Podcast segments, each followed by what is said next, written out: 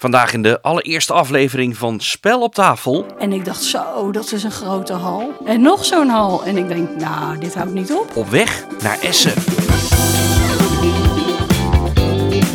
Welkom bij de allereerste aflevering van de Spel op tafel podcast. De nieuwe podcast over bordspellen in België en Nederland. Met nieuws, reviews en interviews over de bordspellenwereld en eigenlijk alles dat daarbij komt kijken. Van gesprekken over nieuwe spellen, beurzen en alles wat erbij komt kijken. En natuurlijk ook de mensen die die spellen spelen. Spel op tafel. Bordspellen in Nederland en België. Mijn naam is Dave, ook iemand die bordspellen leuk vindt, net als jullie. Elke week eh, duiken we samen de bordspellenwereld in. Mijn voorkeur is vrij breed, van zware spellen tot aan lichtere kaartspellen en ook kinderspellen. Want ik heb twee jonge ventjes op de wereld rondlopen van 5 en 7 jaar. En ook al moet ik bij één van de twee behoorlijk wat moeite doen om ze over te halen om ook een spelletje te spelen, er komt wel regelmatig wat op tafel. Om met deze podcastserie van start te gaan, duiken we eerst in het fenomeen Essen. Voor de mensen die dat niet kennen, Essen, of beter gezegd Spiel Essen, is een uh, plek in Duitsland waarin de eerste weken van oktober een van de grootste bordspellenbeurzen ter wereld plaatsvindt. Dit jaar ga ik zelf voor het eerst naar het bordspellen Mekka, maar ik wil niet onvoorbereid die kant op gaan. En dus spreek ik verschillende mensen over de gebeurtenissen daar. Brigitte Den Hartog, die zelf al meer dan tien keer is geweest, geeft tips over hoe ik het het beste aan kan pakken. En vooral niet na een half uur door al mijn geld heen ben. Loop nog even naar rondjes. En niet alle spellen zijn meteen uitverkocht. Er zijn heel veel spellen die zijn nog ruim beschikbaar en ruim uh, verkrijgbaar. Spellennieuws. Het laatste nieuws over bordspellen. Als in Nederland komt met een nieuwe versie van de mini-editie van Ticket to Ride. En dit keer ga je treintjes leggen in Berlijn. Nieuw aan deze versie is dat je niet alleen de treintjes neerlegt, die trams voorstellen, maar je hebt ook de metro. Ticket to Ride Berlijn ligt nu in de winkel. White Goblin Games komt met een Nederlandse uitvoering van het spel Amsterdam. Een spel oorspronkelijk van Queen Games uit de serie van de maker Stefan Veld. Spelers zijn kooplieden aan het einde van de 19e eeuw en gebruiken kaarten en dobbelstenen om goederen te verhandelen. Ook wordt er gehandeld in onroerend goed en dus is er in de, sinds de 19e eeuw van Amsterdam niet veel veranderd. Ook komt White Goblin Games met een Nederlandse uitvoering van het spel Starship Captains. 99 Games heeft samen met het Duitse Cosmos een nieuwe Catan Big Box gepresenteerd. Er zitten meerdere uitbreidingen bij, inclusief die voor 5 of 6 spelers. In de bijgeleverde scenario's help je onder meer de kerstman en de paashaas of koloniseer je Spanje en Portugal. Feest bij Jolly Dutch, want het is het tiende spel van de Jolly Club dat op de mat is gevallen. In het systeem van de Nederlandse uitgever, waarbij je min of meer jezelf abonneert op een spellenreeks, is nu Old Shop uitgekomen. In het spel van de Nederlandse maker A3 Drent moet je bieden, bluffen en handelen op objecten die wel of niet in je verzameling passen. En de speler met de meest waardevolle collectie, die wint. Het Belgische Repose Production komt volgende maand met Waterfall Park. Drie tot vijf spelers bouwen een waterpretpark. Een prototype was eerder al te zien op de UK Games Expo. In het eh, spel moet onderhandeld worden en er moeten speciale sets worden verzameld. De maker is Karsten Hartwig, die kennen we van Chinatown, een spel van eind jaren 90. Het spel is voor het eerst te koop op Essen, want het ligt op 6 oktober in de winkel. De organisatie van de Deutscher Spielenprijs heeft drie kanshebbers op de prestigieuze Duitse spellenprijs bekendgemaakt.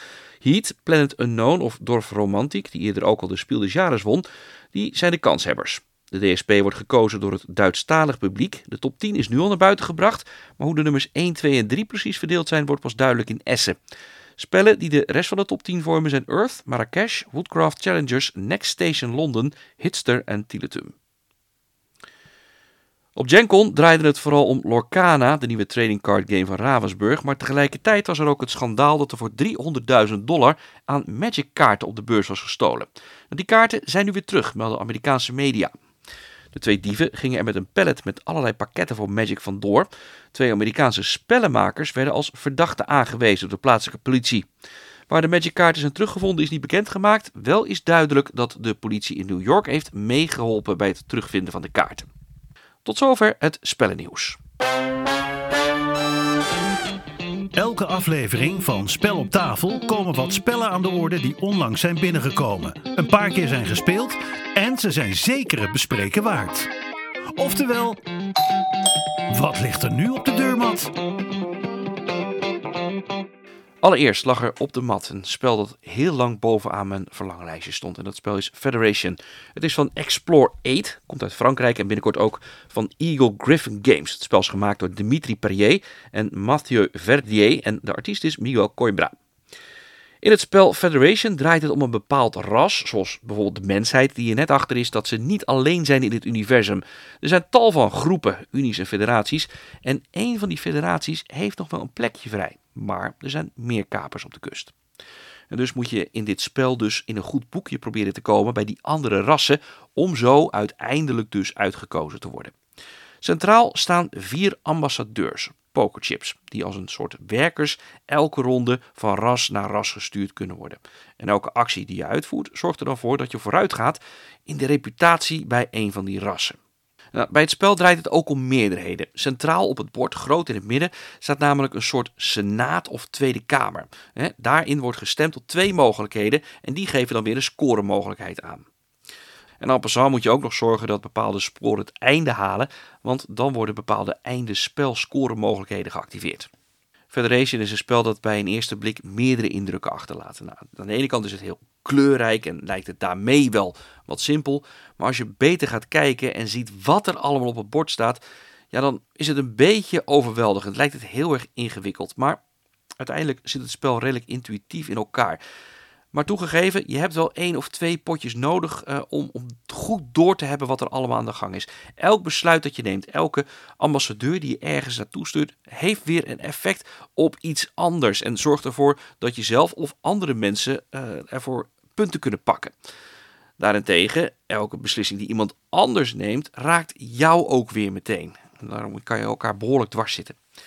En door die opzet van dat elk besluit weer invloed heeft op anderen en de ene spoor dat weer met andere spoor te maken heeft, had het bijzonder wat weg van clever, maar dan wel clever met een uh, of vier op.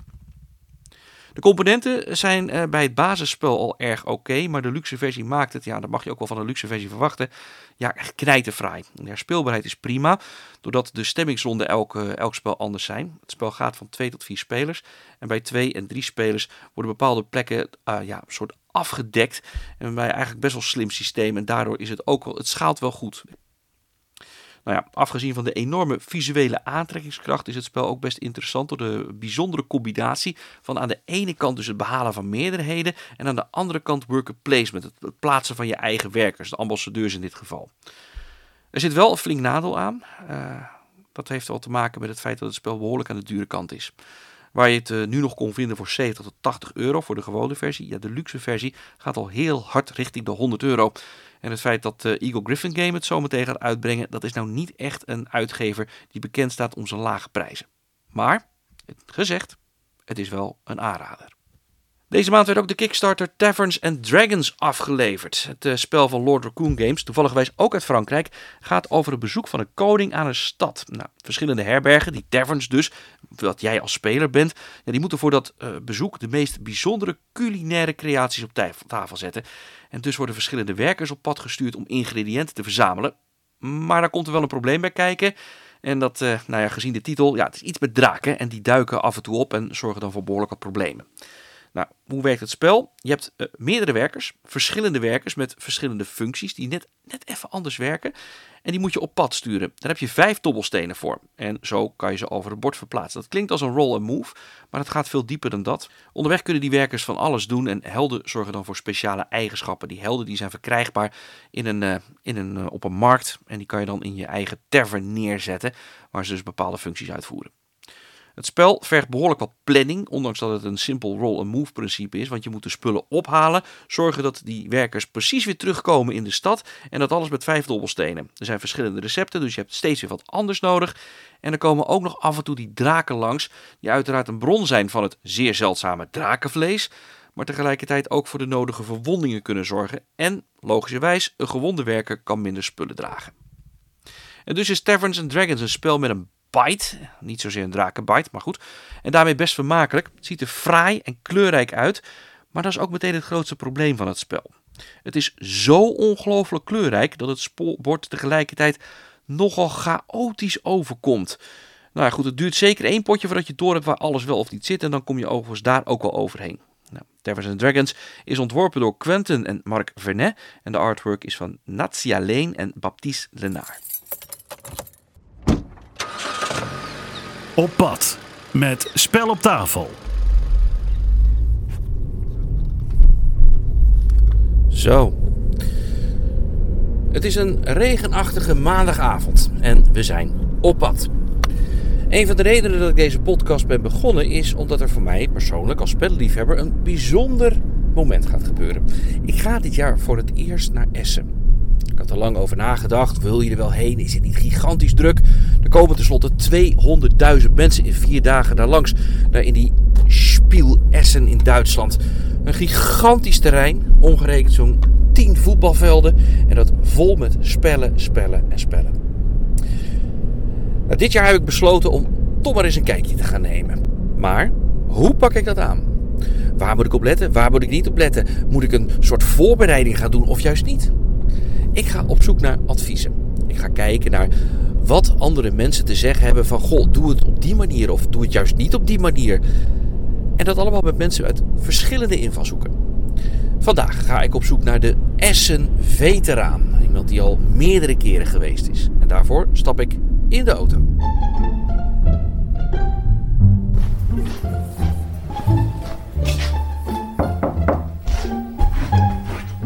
Goedenavond. Hoi. Ik loop even door hoor. Het heeft geregend buiten. Hallo. Hé hé. Zo. Ik ben in het huis van Brigitte den Hartog in Alphen aan de Rijn. Spellenliefhebber, veelspeler, betrokken bij spellenclubs als Spellen aan de Rijn en sinds kort ook schrijvend voor bordspelwereld.nl. De woonkamer ziet eruit als een typische kamer van een bordspelliefhebber. Een grote witte kast met daarin spellen, spellen en nog eens spellen. Ik ben al jarenlang uh, eigenlijk uh, nou, verslaafd aan bordspellen. Nee, ik ben een heel grote fan van bordspellen geworden. Brigitte komt al meer dan 10 jaar op Essenspiel, de megabeurs in Duitsland. Zij kan me dus vast wel vertellen wat die aantrekkingskracht nou is. Wat maakt die beurs nou zo interessant? Essen is gewoon echt een jaarlijks evenement waar je helemaal naar uitkijkt. Ja. Ja, daar wil je gewoon bij zijn. Daar moet je gewoon bij zijn. Hm. Daar moet je een keer geweest zijn. Waarom moet je dat? Ja, ja omdat het, het is zo'n ervaring om uh, uh, uh, zoveel mensen uit zoveel landen bij elkaar te zien. uit alle landen over de hele wereld, alle mensen over de hele wereld, alles komt bij elkaar. Je hebt één gezamenlijke hobby. Het is ook echt heel erg gezellig, heel erg leuk. Hm. ook heel erg druk natuurlijk. Het, is, de moeite echt, waard. Maar het is absoluut de moeite waard. Het is een hele happening. Ja. Het is echt een happening die je gewoon een keer meegemaakt wil hebben. Hoe vaak ben je er geweest? Ik denk dat ik er al meer dan tien keer geweest ben. Ja. Maar in de coronajaren, ik heb nou drie jaar overgeslagen. Ja. Uit mijn hoofd gezegd, volgens mij was het in 2020 gewoon helemaal niks. In 21 dacht ik heel veel online. Mm -hmm. En in 22 was het gedeeltelijk toegankelijk. Dan konden mensen dagkaarten kopen en met mondkapje rondlopen en dergelijke. Er uh, waren heel veel restricties. Ik heb, ik heb toen nog overgeslagen. Ja. Dus ik kijk er helemaal naar uit om dit jaar weer voor het eerst Dus het te is gaan. voor het eerst is vier jaar? Ja, ja. Ja, 2021 en 22 was niet echt. Dus nu 2023. Ik kijk er echt weer helemaal naar uit. Uh, er zijn, uh, voor zover we nu weten, geen restricties. Iedereen kan gewoon vier dagen lang helemaal losgaan. Geen uh, voorwaarden. Je Ja. koopt een kaartje en je loopt lekker rond op de beurs. En het zal ook, uh, de verwachtingen zijn ook dat het weer drukker als drukker gaat zijn. Ja. Ja, Welk jaar was de eerste keer? ik zou het eigenlijk niet durven zeggen. Wanneer was het ongeveer de eerste keer? Dat ik geweest ben? Ja. Uh, 2007 denk ik ongeveer. ja. Hoe kwam het idee van ik ga die kant op? Uh, omdat ik al eigenlijk al binnen Nederland alle beurzen al een keer geweest was en alle spellenclubjes al een keertje afgelopen was. En dat ik hoorde van Spiel in Essen en dat ik dacht van dat is nog groter, dat is nog mooier. Ja, daar wil ik dan kijken, dat wil ik dan meemaken. Ja. Nieuwsgierigheid En- natuurlijk. Weet je nog hoe je daar naartoe bent gegaan? Niet zozeer praktisch, maar met, welke, met, met, met wat- wat in gedachten? Ja, kijken wat je tegenkomt. In, ik was op de eerste jaren niet echt heel erg voorbereid. En ik dacht, ik ga gewoon rondlopen daar en kijken wat ik tegenkom. Ja. Ehm, ja, en door de jaren heen leer je dat, dat, eh, dat het wel handig is om een goede voorbereiding te treffen. Was je overweldigd die eerste Ja. keer? Ja, absoluut. Ja, ja zeker. Waardoor? Ik, dacht, nou, ik, kwam, ik kwam binnen en dat was... Toen de tijd was de halindeling heel anders dan wat die tegenwoordig is. Ik kwam binnen in een hal 12, eh, heette dat. En ik dacht, zo, dat is een grote hal. Echt een hele, ja, wat we hier ook als jaarbeurs hebben. Eh, maar vervolgens was er nog zo'n hal en dan loop je daar doorheen. En dan nog zo'n hal en nog zo'n hal. En ik denk, nou, dit houdt niet op. Ja. Hoeveel van die hallen zijn er wel niet achter elkaar? En hoeveel waren er toen? Eh, Denk je? 4 tot en met 12. uit Dat zijn een hoop hallen. Dat zijn er een hele, ja, Met een hele hoop mensen ook. absoluut. En een ja. hele hoop spellen. En een hele hoop spellen, ja. Ja. En eigenlijk sindsdien is jaarlijks speel alleen nog maar gegroeid en gegroeid en gegroeid. Ja. Ze zijn nooit kleiner geworden. Het is altijd elk jaar meer, meer, meer. Als we corona even niet meerekenen waarschijnlijk. Precies, ja, natuurlijk, uiteraard. Dat jaartje slaan we even, die jaartjes slaan we even over. Maar dit jaar dus weer voor het eerst. Het kriebelt ook wel een klein beetje bij Brigitte, geeft ze zelf toe. Maar wat als ze daar dan is? Hoe ziet dan een gemiddelde dag op Spiel eruit? Eh, nou, je probeert eigenlijk gewoon op, eh, op, een beetje op tijd binnen te zijn. Eh, je moet ervan uitgaan dat er met heel veel mensen tegelijkertijd... komt iedereen of met openbaar vervoer of met de, met de auto, die komt daar aan. Dus je staat in de eerste instantie eigenlijk gewoon in de file met de auto voor de, voor de parkeerplaatsen. Mhm. Voor, de, voor de parkeergarages die er zijn. Dat is eigenlijk... En vervolgens, of je komt met z'n allen die metro uit... En je, dat stroomt dan allemaal achter elkaar zo naar boven, naar die ingangen. Ja, dan moet je nog langs de kassa en dan moet je die deur nog binnen. Nou, dat, iedereen wil tegelijkertijd om tien uur, als de, als de hallen open gaan, eh, wil iedereen om tien uur gelijk klaarstaan om als eerste naar binnen te stormen. Ja. Dus Als het tsunami komt dan iedereen binnen. ja, eigenlijk wel. Ja. Ja, ja, Het is, eigenlijk zou het ook ver- ver- wel verstandig kunnen zijn om dan gewoon een half uurtje later pas binnen te komen. Dan is die grote drukte voor je neus weg. En dan loop je er zo op het gemakje achteraan. Dat is natuurlijk ook een goede tip. Die mensen die als eerste naar binnen gaan. Ja. Wat doen die mensen? Nou, heel veel mensen die zorgen dat ze op donderdagochtend om 10 uur als eerste klaarstaan. Ja? Want het kan zijn dat een bepaald spel zo populair is. En er is al een hele buzz over gaande op internet. Van die moet je hebben. En die is maar in hele beperkte oplagen beschikbaar. En wat er gebeurt is dan donderdagochtend om 10 uur gaat die deur open. En dan rennen sommige mensen gewoon meteen naar de stand in de hal waar ze moeten zijn. Om dat spel te gaan halen. Ja. En dan zal je zien dat je gewoon in een rij van 100 mensen terechtkomt. dat je dan gewoon in de rij moet gaan staan. En dat je dan echt geluk moet hebben om nog die. Stel, ze hebben maar 100 spellen. Om dan een van die 100 spellen te bemachtigen. Nou, dan heb je alsnog Dat de kans dat je ernaast grijpt. Ja, dat kan zeker. Ja. Ja. Eh, dan, dan ontstaat er zo'n rij. Is iets Ja. zonde van je tijd.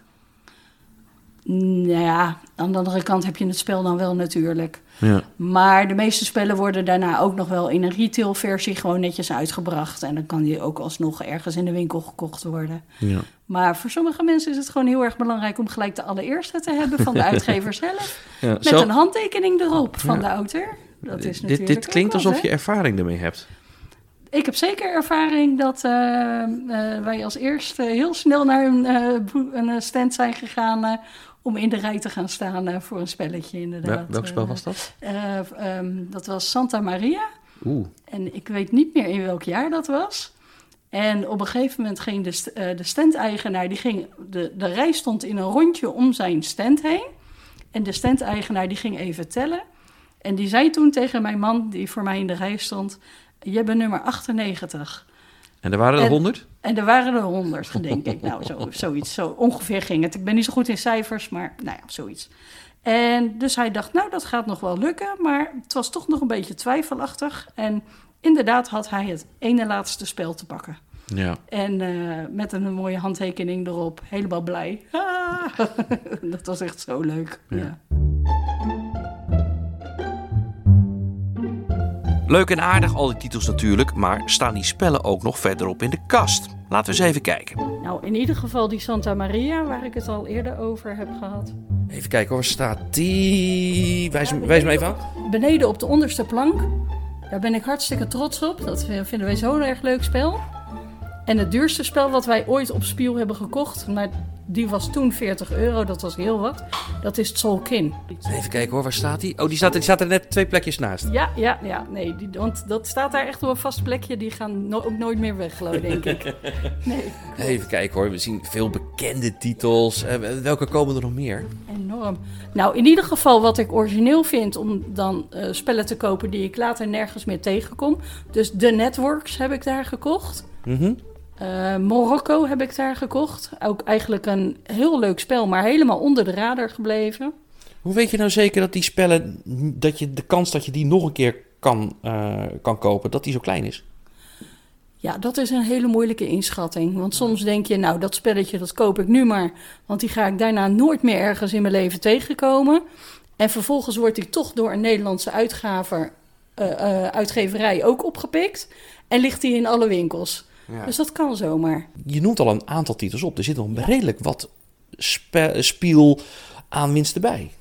Ja, zeker. Nou, wat ik eigenlijk ook van plan was om eh Ragusa, eh, van de serie van Venice en Florence, die had ik ook allemaal graag op spiel willen kopen. Maar dat kon niet, want die waren daar alleen in het Duits verkrijgbaar. Dus die heb ik achteraf toch via internet moeten aanschaffen. Wat is nou de grootste spel waarvan je dacht van... oh, die had ik daar echt willen kopen, de kans gehad, niet gedaan. Nou, eigenlijk is het een heel klein spelletje. Maar wat ik daar had moeten kopen, een keertje. Maar dat was in de coronajaren toen. Dus toen was ik niet op spiel. En daar heb ik dus spijt van. Dat was dan een Tasso-spelletje, Tasso Banana. En wat houdt dat in? Nou, het spel Tasso, dat is eigenlijk hetzelfde als... eh, in Nederland is die ook uitgegeven, dat spel, als Lakota. En dat is een heel eenvoudig spelletje. Met, je moet eigenlijk gewoon alleen maar blokjes een beetje stapelen. Maar dat is echt zo vermakelijk leuk spelletje tussendoor. En die Tasso Banana, dat is dan dat je die houten banaantjes op elkaar moet gaan stapelen. Dat is een beetje dexterity-achtig. Het is, het is eigenlijk gewoon, het is een heel eenvoudig klein spelletje, maar die wil je gewoon hebben. Dat is echt zo grappig. Niet ergens anders nog voorbij zien komen? Nee, helemaal niet. Hij is alleen nog maar in Korea verkrijgbaar. Grootste mispeer? Wat de miskoop die ik heb gedaan? Ehm, ik heb zoveel spellen die ik elke keer weer koop en verkoop. Ik heb op dit moment 200 spellen in huis. Het is dat ik echt zeer regelmatig spellen ook eh, koop, maar dus ook verkoop. Want anders had ik zeker ruim meer dan 800 spellen gehad inmiddels. Het ging al even over spelen of kopen. En eerlijk gezegd, mijn portemonnee begint nu al een beetje pijn te doen bij de gedachte van al die dingen die daar te koop zijn. En ik ben daar niet de enige in. Het wordt elk jaar duurder. Ik weet nog wel dat we jaren geleden kochten we alleen maar spellen. Zo tussen de 20 en 30 euro maximaal. Dat vonden we allemaal mooi zat. Toen waren er, was er ineens een spel van 40 euro. Nou, toen... Ik ben samen met mijn man op die beurs. En we moesten elkaar echt even opzoeken. Want soms lopen wij los van elkaar rond. Maar we hebben elkaar even opgezocht. En echt even overlegd van... Zullen wij 40 euro betalen voor een spel? Dat was toen de tijd heel wat. Maar tegenwoordig dus beginnen de spellen pas bij 50, 60 euro. En dan heb je de luxe edities. Dan heb je het al over 80 of 100 euro. En nou, misschien nog wel veel meer. Ja. Dat eh 120 euro, 150 heb ik al voorbij zien komen. Wat is het maximale dat je hebt uitgegeven ooit op speel? In totaal, met Ja. alle spellen bij elkaar, Ja? denk ik dat ik wel voor 400 euro met spellen na- naar huis ben gegaan. ja en hoeveel had je er toen meegenomen? Denk je? Dat zijn dan, nou, tussen de... Oh, dat weet ik even niet. Ehm. hoeveel spellen koop je voor 400 euro? Ehm, Dat zullen er zeven, acht zijn. nee, dat waren er wel meer, want er zaten er ook wel wat kleintjes bij. Hmm. Ik ben ook gek op eh, kleine kaartspelletjes. Ja. Is het zo dat, ehm, dat, dat, dat je de rest van het jaar minder uitgeeft eh, in de aanloop naar speel? Ja, het is wel iets waar eh, wel voor gespaard wordt, inderdaad. Ja. Voor spiel moet je wel sparen. Ja, ook de reis er naartoe, de hotelovernachtingen, het eten, alles bij elkaar. Maar die spellen zijn de grootste kostenpost als ik het zo hoor. De, de spellen zijn sowieso de, de grootste kostenposten, inderdaad. Ja. Ja. Ja. nee, dat wordt, eh daar wordt echt voor gespaard. Het is echt een, een ja, volwaardige vakantie. Alleen met, het, is het, het is echt een hele vakantie. Een ander die gaat misschien eh, Ja. En een verre reis maken naar Azië. Ja. En wij leggen geld apart om te sparen om een week eh, of een, een lang weekend dan naar een spiel te gaan. Ja. Alleen die spellen, daar hebben wij wel de rest van het jaar eh, of jaren misschien ook wel weer plezier van natuurlijk. Spiel is een eh, beurs die bestaat uit vier dagen. De donderdag, de vrijdag, zaterdag en zondag. Ja. Wat is het verschil daartussen? Ehm, op zaterdag zie je dat er heel veel Duitse gezinnen rondlopen. Heel veel mensen met kinderen. Ehm, maar aan de andere kant valt het ook meestal wel in de Duitse herfstvakantie. Over het algemeen is op eh, donderdag de dag dat de meest fanatieke mensen de koopjes gaan jagen voor de spellen waarvan ze verwachten dat die gelijk uitverkocht, eh, uitverkocht gaan raken. Eh, die in beperkte oplagen beschikbaar zijn. Dat doe je op donderdag. Vrijdag was altijd een relatief een rustige dag. En wil je echt voor de uitverkoop, dan moet je op zondag. Want op zondagmiddag gaat alles in de aanbieding. Nou, ja, niet dan willen ze het niet mee terugnemen en dan gaan de prijzen omlaag. Nou ja, inderdaad. Kijk, als een eh, uitgever nog een hele pallet van een bepaald spel heeft staan... en hij denkt, ja, mee terug eh, naar mijn land eh, laten vervoeren... is ook heel duur. Ja. Dus ik, ik doe er wat af van de prijs en ik kijk of ik nog wat kan verkopen. Mhm. ja. Dus voor de koopjesjager zou ik de zondagmiddag adviseren. ja. Welke dagen ga je zelf meestal? Ik ga, als ik ga, ga ik alle dagen. Vier dagen. Vier dagen. Ja, Dat is prijzig, want dan komt er ook een hotelovernachting bij ja waarschijnlijk. klopt. Ja. Ja. Ja. Maar dat zeg ik, dat, eh, daar, ja, dat weten we van tevoren, daar houden we rekening mee. Maar ik vind het wel prettig om eh, echt vier eh, hele dagen naar Spiel te, te gaan. Omdat je dan gewoon toch alle tijd en rust hebt om alles te bekijken. Ja. Er is zoveel te zien. De expositiehal van Essen Spiel is geopend tot aan het begin van de avond, een uur of zeven. Daarna gaat iedereen weer weg, naar huis of naar het hotel als ze daar bijvoorbeeld meerdere dagen verblijven. Maar is dat het dan? Nou, dat is eigenlijk pas het leukste van de hele beurs. Het hele weekend lang wordt in alle hotels of pubs of restaurants waar je wat je kan vinden, worden eigenlijk de hele avond en nacht nog spellen gespeeld. Iedereen, allemaal mensen uit allemaal andere landen ontmoeten elkaar, leren elkaar kennen, schuiven bij elkaar aan, eh, bij elkaar aan tafel aan om een spelletje te spelen. Dat is eigenlijk misschien nog wel het gezelligste van het hele spielgebeuren. Het hele sociale aspect. Het hele sociale aspect, dat Ja. is echt zo erg leuk. Dat maakt het weekend helemaal af. Hoe weet je waar je moet zijn? Ja, dat is lastig. Ehm, nou, ik zou in ieder geval bij de grote hotels in de buurt informeren. Die hebben doorgaans een hele grote restaurantruimte beneden in, bij het hotel. En die stellen dat gewoon in de avonduren open voor de eh, mensen die overnachten in het hotel, maar soms ook voor losse bezoekers. Ja. Om daar plaats te nemen om spellen te kunnen spelen. Die hele horeca, eh, horecagelegenheden in, in Duitsland, die houden daar rekening mee. Ja, absoluut. Ja, de, de beurs Spiel is, is voor Essen jaarlijks ook echt een fenomeen. Kijk, normaal gesproken gaat iemand naar een beurs. In Ne- In Nederland kennen we ook een huishoudbeurs of een in andere. Die mensen die komen 's ochtends aan, die lopen de hele dag op een beurs en die gaan s'avonds weer naar huis. En Spiel is een beurs waar gewoon de bezoekers echt na twee, drie, vier dagen lang naartoe gaan. Dus daar ook overnachten. Dus alle restaurants zitten elke avond helemaal vol, eh, v- eh, uitverkocht. Eh, alle hotels zijn allemaal uitverkocht. En ja, mensen ontmoeten elkaar en dat gaat de hele tijd door. Behalve kijken en kopen, wat valt er nog meer te doen daar? Er zijn eh, ook evenementen. Er wordt volgens mij ook jaarlijks het wereldkampioenschap Carcassonne gehouden. Die gaan dan Carcassonne echt met het mes tussen de tanden. Ja, ja dat is echt eh, hard tegen hard. Het wereldkampioenschap Carcassonne is daar, eh, wordt daar jaarlijks gespeeld. En dat gaat echt hard tegen hard. Dat is een hele happening. En welke nog meer? Ja, nou wat ook heel erg belangrijk is, is dan eigenlijk het Europees kampioenschap bordspellen. Er gaan eh, dit jaar voor Nederland vier teams eh, afgevaardigd. Eh, je moet een team hebben van vier personen.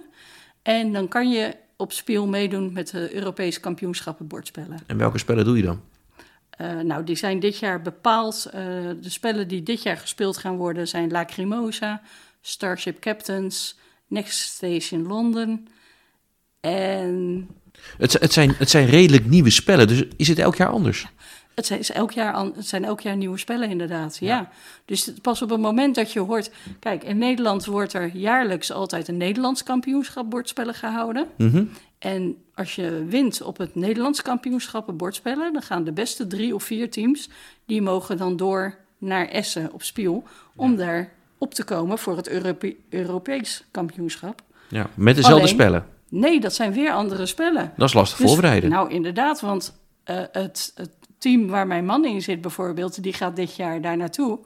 En die waren daar helemaal blij mee, maar die kregen dat pas in juni te horen. Ja. Veel geoefend de afgelopen maanden? Die hebben nu, nu alleen nog maar in juli, augustus en september drie maandjes de tijd om vier nieuwe spellen onder de knie te krijgen, om die te moeten gaan spelen op een Europees kampioenschap. Ja, ik neem aan dat je jezelf opgeofferd hebt om, eh, te veel, eh, om nog wat te kunnen sparren met hem.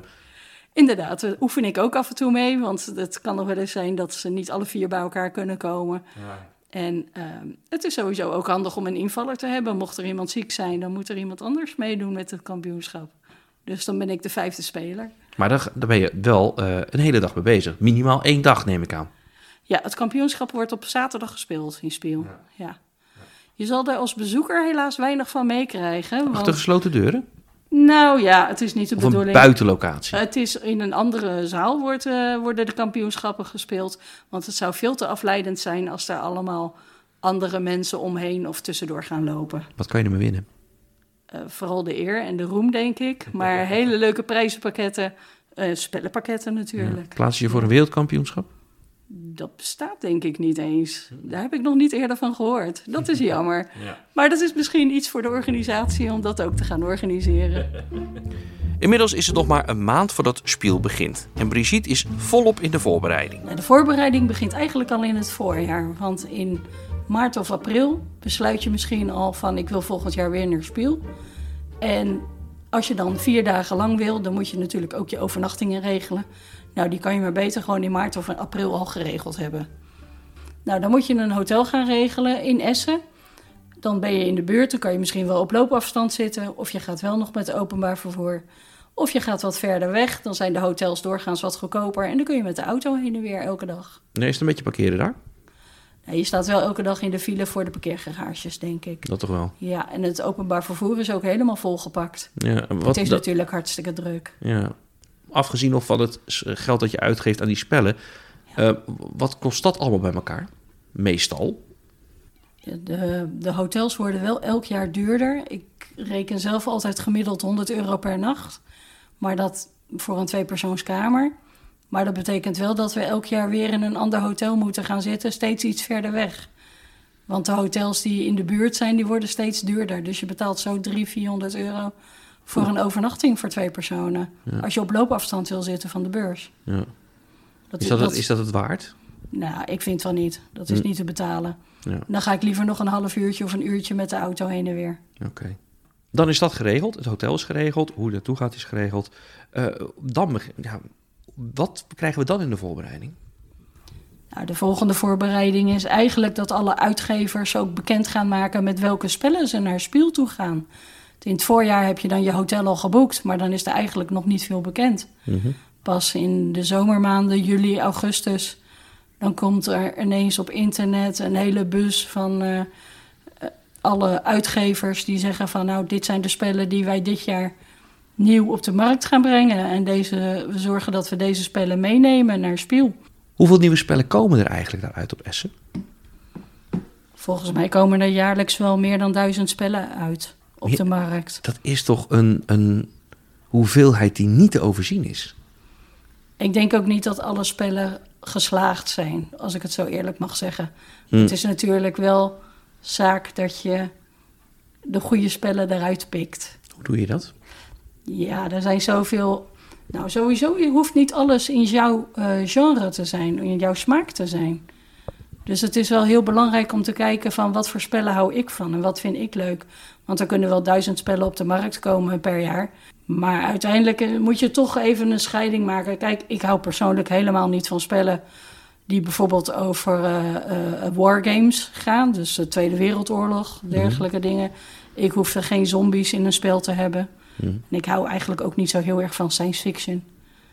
Dus ja, dat, dat geeft al een hele scheiding. Eh, spellen voor ki- kinderen worden ook altijd heel veel aangeboden. Nou ja, ik heb zelf geen kinderen, dus die vallen voor mij allemaal af. Ja. Maar hoe valt er op een of andere manier een soort ja, het kaf van het koren te scheiden? Ja, dat is heel moeilijk. Dat is een kwestie van heel veel op internet gaan zitten en alles doornemen. Wat gebruik je zelf? Nou, gelukkig zijn daar hele goede apps voor, inderdaad. Zoals? Ik gebruik altijd heel graag die van Tabletop Together Mhm. tool. Ja, Eh, wat je ook kan doen is naar boardgamegeek.com. ja. En daar staat in, is ook een, eh, een, een topic waar alle nieuwe spellen eh, gepresenteerd worden. Wat zijn de veelgemaakte fouten die mensen die voor het eerst naar Spiel gaan maken? De beginnersfouten. De beginnersfouten, wat ik wel heel belangrijk vind om even gemeld te hebben, is dat je altijd heel goed kijkt of een spel wel in welke taal die geleverd wordt. Mhm. Eh, heel veel spellen die hebben dan aan de buitenkant van de doos allemaal Duitsstalige teksten. En ook binnen in de doos blijkt er dan alleen maar een Duitsstalige of misschien wel alleen een Spaanstalige eh, uitleg te zijn. Ja. De, het regelboekje, ja, dat is gewoon eh, heel storend. Daar heb je niks aan. Ja, dan kom je dus eigenlijk met de kat in de zak thuis. Nou ja, dat is gewoon heel teleurstellend inderdaad. Ehm, eh, als ik zo over het algemeen eh, mag praten over Nederlanders, zijn wij er toch wel vaak op gesteld dat eh, de buitenkant van de doos toch wel minimaal iets in het Engels, Engels, Engelstalig ja. staat. Ja, het liefst nog in het Nederlands, maar dat zal je in Spiel bijna niet kunnen vinden. Nu ga ik dit jaar zelf voor het eerst naar Duitsland.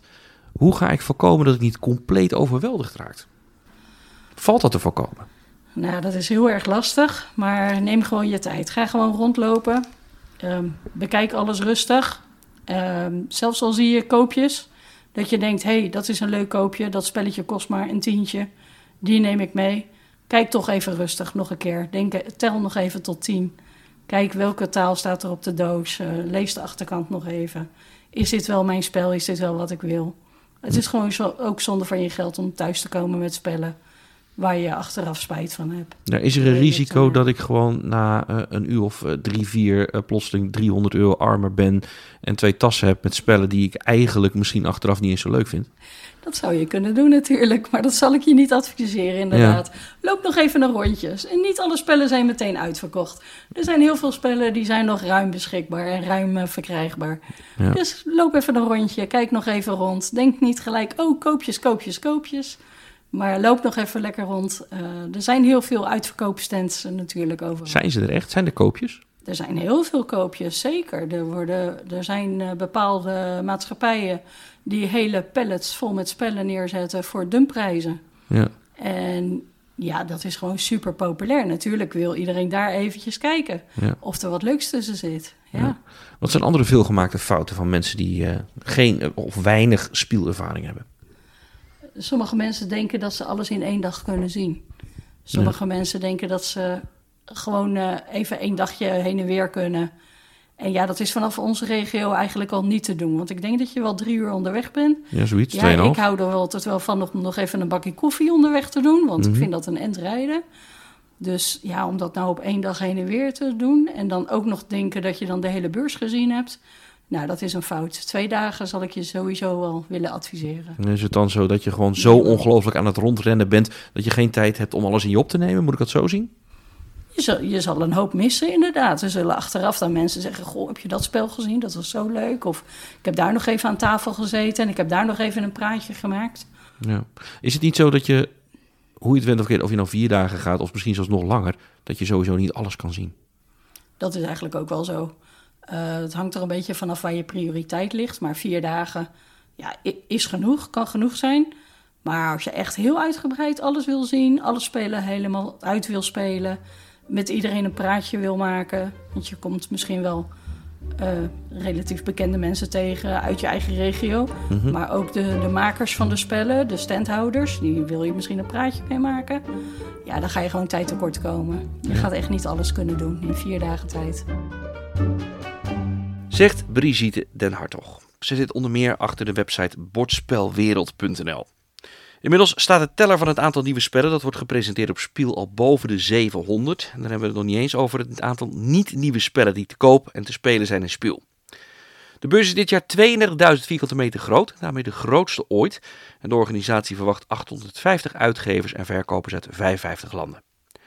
Volgende week gaat Spel op tafel opnieuw op pad en dan gaat het over de mensen aan de andere kant van de speeltafel, de uitgever. Ik spreek dan met Michiel de Wit van Game Biz. Je begint om 10 uur en om 6 uur is het geloof ik klaar voor om 7 uur. En dan ben je blij tussendoor als je even een boterham kan eten. Als je even naar de wc kan. Want je bent dan non-stop ben je mensen aan het vertellen over spelletjes. En enthousiast, enthousiast, enthousiast. En uh, stop hoesje, weer enthousiast verder. en dan s'avonds vaak ook nog even uit eten. Misschien een spelletje spelen. Soms is er een, uh, een van een netwerkevenement. En dat vier dagen lang. Dit spel zou je eigenlijk eens moeten spelen. Ja, in een periode waarbij uh, jaarlijks duizenden spellen uitkomen, zijn tal van spellen die snel onder het stof terechtkomen. Niet terecht, want er zitten echte toppers bij. En in deze rubriek zou ik graag die een van die toppers onder de aandacht willen brengen. Totaal niet onder dwang of zo, nu wat aandacht voor een van de grootste favorieten van mijn echtgenote, Ex Libris. In het spel ben je bibliothecaris en uh, met een magische bibliotheek en probeer je een, soort eigen bibliotheek samen te stellen en te optimaliseren. Nou, in het spel werkt dat met kaarten. Op die kaarten staan meerdere boeken in verschillende kleuren. Die boeken die staan bijvoorbeeld letter W als, uh, als titel en die moet je dan neerleggen voor je neus in een soort tableau. Maar het moet wel op alfabetische volgorde. Nou, de boeken zijn in zes verschillende categorieën. Je krijgt drie werkers. En met die werkers kan je dus stukken van die boekenkast verzamelen met daarop boeken en leggen voor je neus. Sommige van die kastdelen hebben twee boeken, sommige hebben er vier. Vaak zijn het verschillende kleuren. Sommige boeken leveren minpunten op, andere bonuspunten. Dat verschilt van spel tot spel. En ook geldt, zoals bij het een echte bibliotheek hoort te zijn, dat er een goede brede afspiegeling moet zijn van alle soorten boeken, oftewel de verschillende kleuren. Nou, de variatie zit erin dat je de werker steeds op verschillende locaties kan neerzetten. Dat verandert tijdens het spel. Daarnaast heb je ook één speciale werker die net even wat anders kan dan al die andere werkers. Nou, daarmee is Ex Libris een geinig puzzelspelletje waarbij je kaart op een slimme manier probeert weg te leggen. Je probeert dan net altijd even iets in de gaten te houden. Heb ik wel alle kleuren? Heb ik er genoeg? Heb ik van die eigen specifieke eigen kleur die net wat meer punten oplevert, heb ik daar wel genoeg van? En hoe krijg ik het voor elkaar dat ik in die laatste ronde nog net even wat extra kaarten kan neerleggen? Ja, er is een database op Boardgame Geek. Daar wordt bijgehouden hoeveel keer een speler dit spel gelogd heeft. Oftewel online bijgehouden dat het gespeeld is. En uh, mede dankzij mijn vrouw, nou beter gezegd, vooral dankzij mijn vrouw, uh, sta ik daarin bovenaan. Nou, met afstand ook. Dit spel is dus uh, volgens, volgens de logs het meest gespeeld door ondergetekende. Maakt mij niet uit. En Libris is een geinig spel. En binnenkort komt het spel opnieuw uit, maar dan in een vernieuwde versie. Oude meuk is ook leuk. We hebben het misschien allemaal wel eens meegemaakt en misschien ook wel niet. Je loopt een winkel binnen, ik noem maar een bordspellenwinkel, en je ziet daar iets liggen. En je denkt van, oeh, die staat al lang op mijn lijstje. Nou, die wil ik wel heel graag in mijn collectie hebben, maar die prijs. Nu ken ik mezelf goed genoeg en toch trapte ik er weer met beide benen in. Ik stapte onlangs een nieuwe winkel binnen en sprak de zeer vriendelijke meneer achter de toonbank aan en vroeg: uh, Dat en dat spel, hebben jullie dat per ongeluk ook op de plank liggen? Om er meteen achteraan te voegen: Zeg alsjeblieft nee, anders gaat het weer pijn doen in mijn portemonnee. Nou, de meneer achter de toonbank zei nee. En ik was dus eigenlijk wel even opgelucht en ook een beetje teleurgesteld. Maar ging die verder, ik heb hem wel achter liggen. En toen dacht ik aan een uh, willekeurig Engels woord uh, van vier letters. Ja, die. Dat had ook die andere kunnen zijn hoor. Maar goed, toen begon het grote twijfelen. En met een lege portemonnee ging ik uiteindelijk naar huis. Hoe leg je dat thuis uit? Aan je echtgenoot, partner, moeder, uh, huisdier, weet ik veel. Uh, wie je verantwoordelijkheid ook verschuldigd bent. Nou, nou, ik stuurde uiteindelijk een appje naar huis met de tekst van... Uh, ik ben heel lief. Ik herhaal, ik ben heel lief. Nou, mijn vrouw wist toen al meteen precies hoe laat het was. En dan is, is de luisteraarsvraag deze week. Welke smoes gebruik jij wel eens? Of heb je wel eens gebruikt? Of heb je dat niet nodig en betaal je dat bijvoorbeeld van je eigen rekening? Misschien moet je dan alsnog wel verantwoording afleggen. Maar wat is de perfecte aanpak in dit soort gevallen? Dat is de eerste luisteraarsvraag. Het gaat om dit probleem. Stuur jouw oplossing naar redactie.speloptafel.nl en mogelijk wordt die dan in de volgende aflevering behandeld. En daarmee is er een einde gekomen aan de eerste aflevering van de Spel op Tafel podcast. Volgende week is er weer een aflevering. En dan dus met een interview met spellenontwerper Michiel de Wit van Game Biz. Ook meer reviews en spellennieuws. Kan je er niet genoeg van krijgen? Neem dan een kijkje op www.speloptafel.nl. Ook daar meer nieuws en reviews en binnenkort staan er ook alle podcasts op. Mijn naam is Dave, tot volgende week. Volgende week is er weer een uitzending van Spel op tafel. Heb je vragen of opmerkingen? Stuur dan een mail naar redactie@speloptafel.nl.